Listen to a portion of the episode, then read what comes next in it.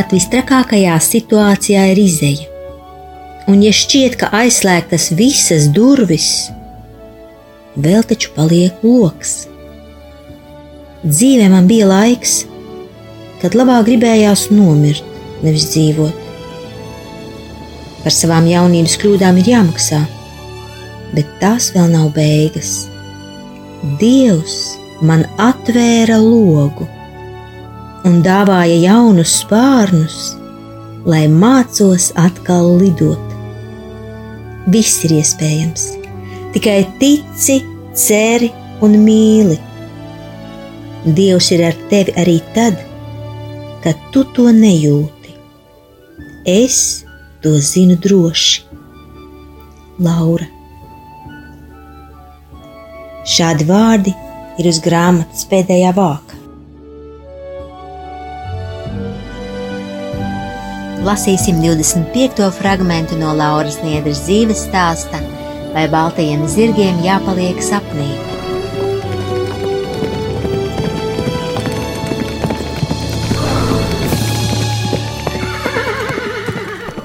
Atsākas darbs, atsākas ikdiena. Tikai mīlestības rokas pēc svētceļojuma šķiet izaugušas tik garas, ka varētu apskaut visu pasauli. Laura dzied un smejas un mīl visus. Kādu dienu negaidīti ciemos atbrauc Jančuks un trāpa tieši uz Lauras 30. dzimšanas dienu. Kāds tas ir prieks! Jānis stāsta, ka viņš tagad esot paņemts aizbildniecībā un dzīvojot blakus mājā ka Omīte esot galīgi slima un nevienu vairs nepazīstot, kāpjot ārā pa balkonu un bēgot prom no mājas, ka nesen mājās esot bijis tētis, viņš esot aiznaglojis balkonu durvis un esot teicis, ka Elīze drīz dzīvošot pie viņiem, kad viņš sapelnīšot labi daudz naudas.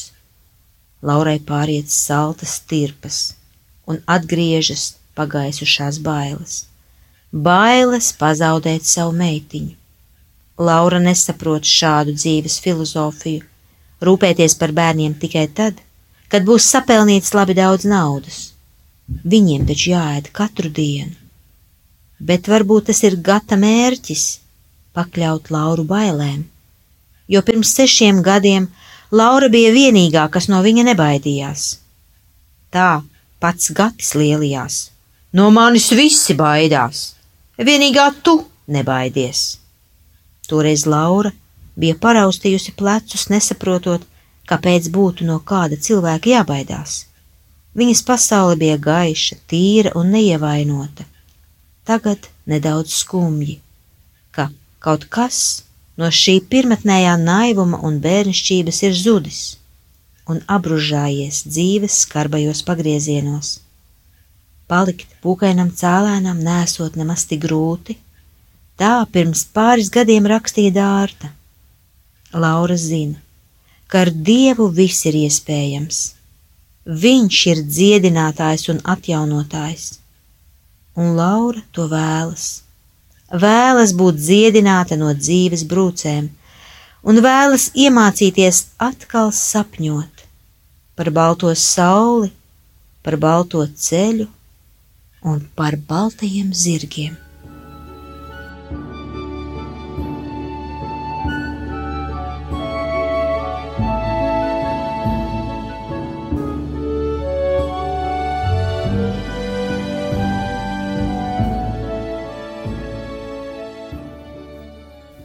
Lauras dzīve rita vienkārša kā rāma upe, bez krasiem pagriezieniem, bez krāšņiem ūdenskritumiem un krācēm.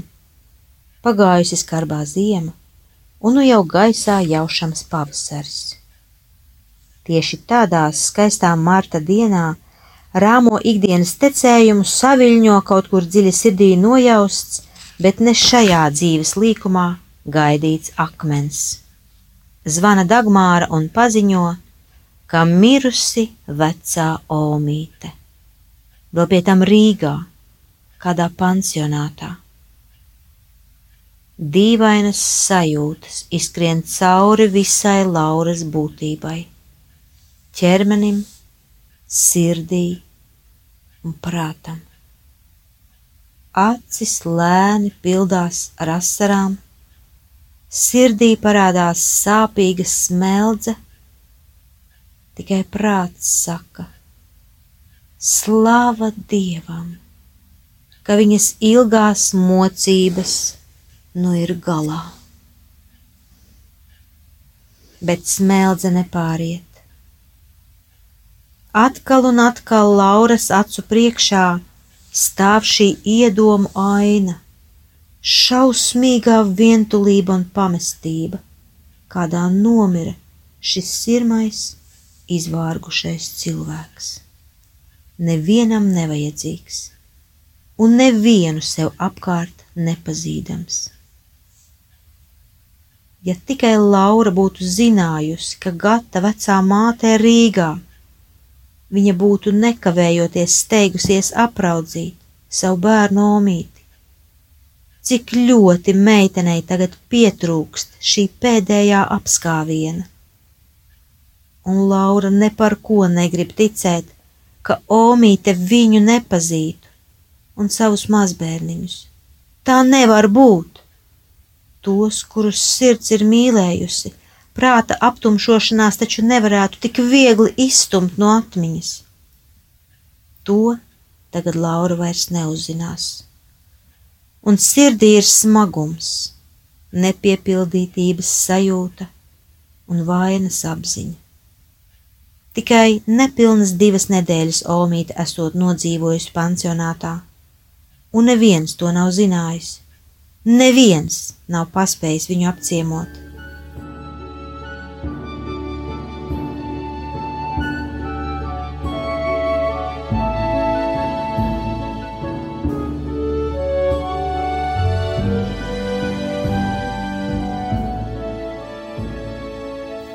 Dagmāra organizē bērres. Gatis ir Anglijā, un nekādu koordināšu nav. Taču vienu rītu, kādas nepieciešamības dzīts Gatis zvana Dagmārai. Viņa tad arī steidz pateikt sēru vēsti, bet Gata reakcija ir tipiski aizdomīga. Varbūt tā ir kārtējā viltība, lai mani dabūtu uz Latviju? Tomēr pēc tam vīrietis apdomājas un solās atbraukt, kad būs iespējams un arī bēru izdevumus solās apmaksāt, ja viņam būšot nauda. Bēru diena ir klāta. Ir atbraukuši mazbērni, seni draugi, arī sociālie darbinieki. Nav tikai vienīgā dēla. Laura nedabū pēdējo reizi redzēt Omītes seju, un uz atvadām noglāstīt viņas maigos baltos matus. Melnajā bedrē lēni un svinīgi ielīgo tikai mazītiņš glīts zārciņš. Omīte kļuvusi neparasti viegla. Tās ir atvadas, bet sirds paliek nepiepildīta. Apskāvienam pastieptās Lauras rokas sastingušas pusceļā šī iespēja nu ir zudusi. Lai gan kopš bērniem pagājis jau krietnes laiciņš, Lauras sirds vēl reizēm izjūt smeldzi par nepiepildīto apskāvienu, taču laiku atpakaļ nepagriezt. Bet varbūt tomēr, lai dziedinātu salauztas sirdis, dievam nekas nav neiespējams un arī pusceļā sastindzis apskāviens var tikt piepildīts. Tāds brīnums patiešām arī notiek, un notiek tas kādā misijas braucienā lauku pansionātā, kur Laura ar saviem draugiem šoreiz ciemojas pie garīgi slimiem ļaudīm, gan jauniem, gan veciem. Laurai ārkārtīgi patīk braukt misijās. Viņa ar visu sirdi un dvēseli iesaistījusies šajā misiju grupā ar nosaukumu Efata, kas tulkojumā nozīmē atveries. viņa ar ilgām gaida katru izbraucienu. Taču šoreiz dziesmas vārdi negaidot sastingst Lauras kaklā. Meitenes acis ir apstājušās pie kādas savādas baltas vecenītes, kas sēž pašā zāles stūrī un šķiet aizrauta savu neizdibināmo domu pasaulē. Lauras acis negribot pildās asarām. Līdz kāds pat piesteidzas palīgā, domājot, ka meitenei kļuvis slikti. Taču šī baltā sieviņa ar visu savu būtni tik ļoti atgādina mirušo omīti, ka Laura gribēdama nespēja atgūt dziedošo balsi. Viņai tik ļoti ir nepieciešams šis apskāviens, atvadu apskāviens no omītes.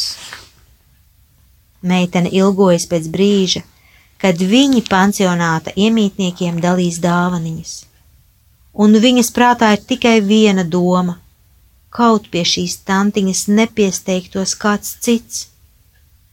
Beidzot tas brīdis ir klāt, un Laura ar vairākām paciņām rokās taisnā ceļā dodas pie savas iedomu omītes. Apskāviens ir ilgs un sirsnīgs, un apusēji nepieciešams.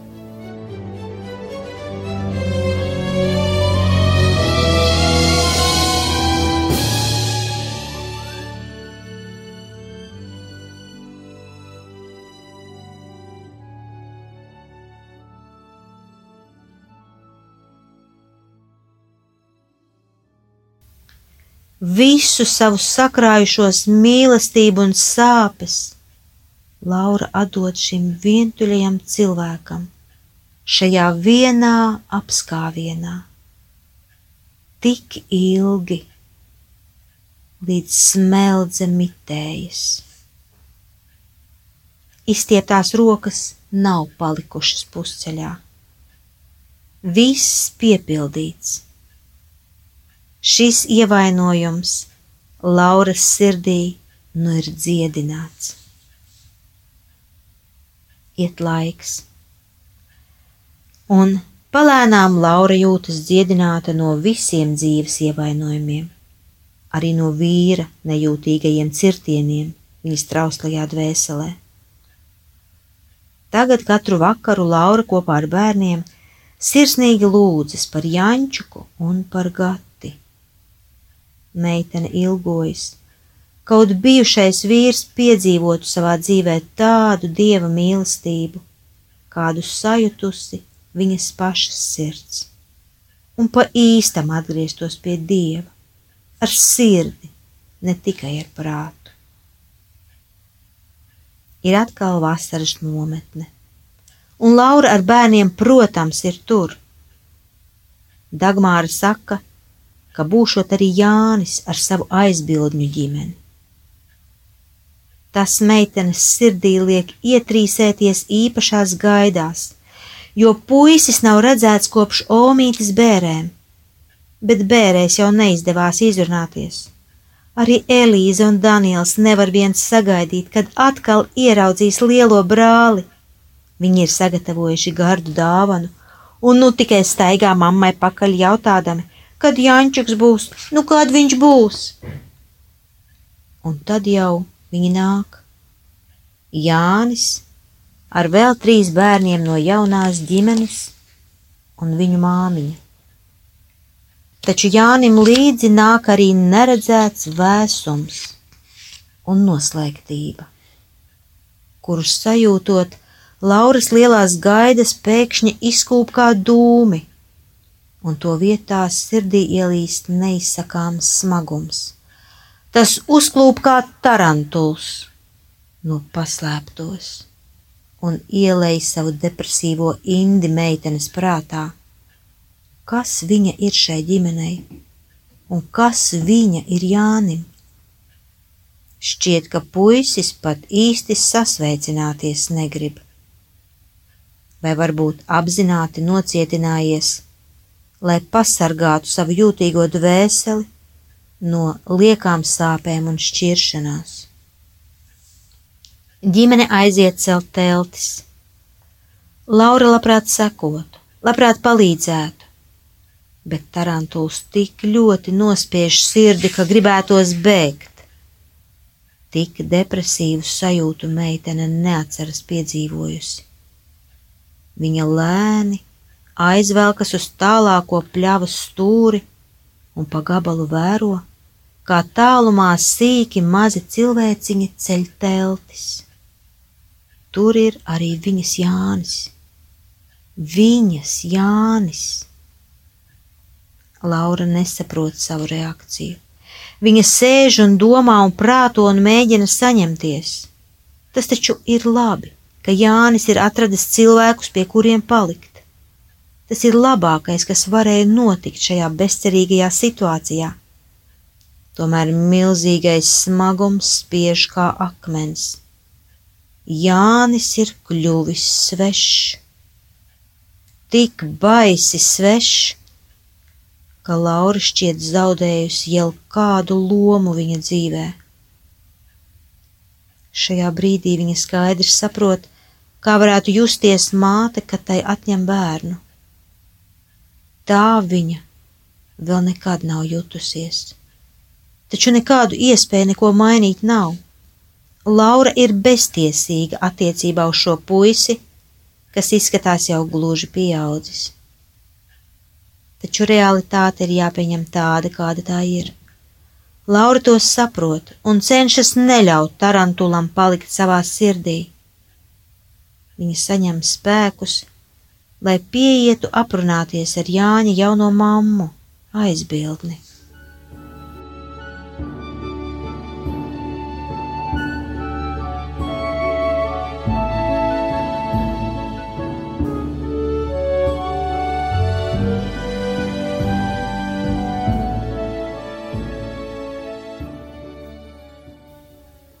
Teltis jau ir uzceltas, un visi kaut kur izklīduši, Tālumā Elīza un Daniels apstājuši savu lielo brāli, droši vien dala milzīgo atvesto šokolādi. Pie teltīm grozās tikai Vineta, Jāņa aizbildne. Vārds pa vārdām raisās saruna, un Laura izjautā visu par savu zaudēto dēlu. Vai cik bieži viņš jūs atceras, saka Vineta kad mēs kaut ko darām, vai es varu ēst, tad Jānis visu laiku saka, mēs ar mammu tā darījām, un mēs ar mammu tā taisījām. Es vēl viņam pārjautāju, ar kādu mammu, jo domāju, ka nevar taču būt, ka viņš atceras īsto mammu. No nu, ar Lauru taču, Jānis izsaucās, izbrīnīts, ka par to vēl var šaubīties. Vienete redz, ka Laura turas pēdējiem spēkiem, un ka asaras jau sāk lāsoties meitenes acīs. Laura aizgriežas un mēģina noturēties. Nevajadzēja man jums to teikt, Vineta vēl mēģina mazināt izteikto vārdu spēku, taču tie jau ir ielijuši Lauras sirdī kā salda medus smarža kuru nomāca piķa melnas darbas piliens. Meitenes prātā riņķo nekad no Jāņa nedzirdēti vārdi - mamma, mamma, mamma. Vai tiešām bija jāšķiras, lai sagaidītu šos vārdus? Vienetas mierināšanas centieni neko nespēja mainīt. Tarantuls atkal ir atgriezies un spiež ar savām spalvainajām kājām uz meitenes asaru krātuvēm. Šoreiz neapturami. Laura atvainojas Vinetai un seju rokās paslēpusi skriešus dodas prom, prom uz mežu, tālāk prom no visiem, un asaru straume min viņai pa pēdām Meitenei ir jāatrod vieta, kur ļaut izplūst visām šīm aizturētajām, iespundētajām asarām. Tas šobrīd ir absolūti nepieciešams. Tikusi prom no nometnes uz vientuļā meža ceļa, Laura ļaujas skaļām, gārdzošām raudām, brīdi pa brīdim kā murgos atkārtodama tikai vienu vienīgu teikumu. Mēs ar mammu tā darījām, mēs ar mammu tā darījām, mammu, mammu, mammu.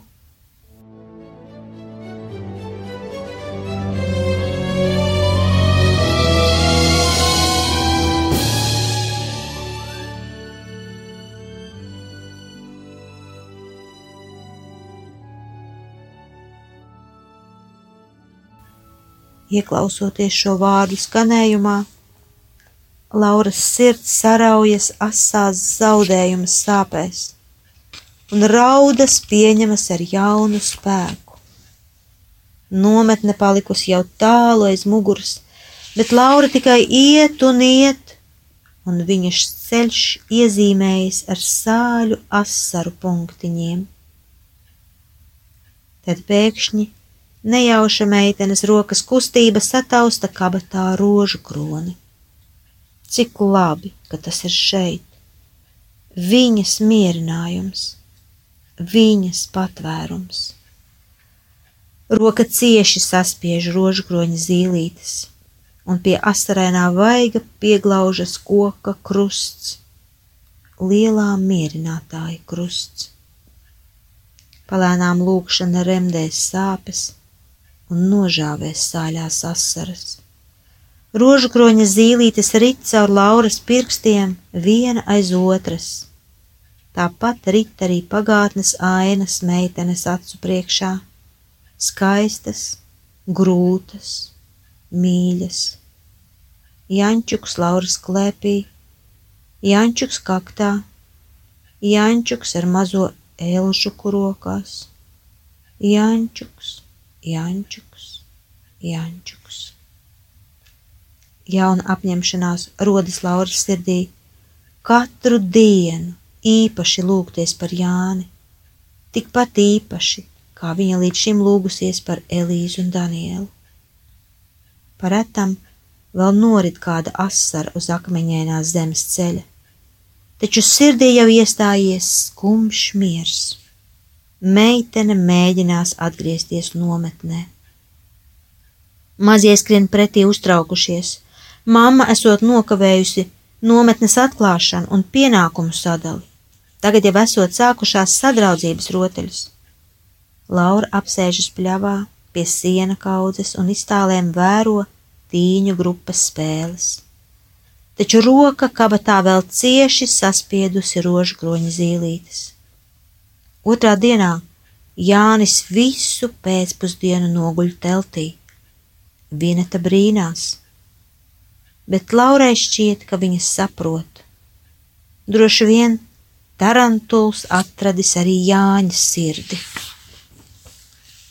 Un parunāties neizdodas un neizdodas.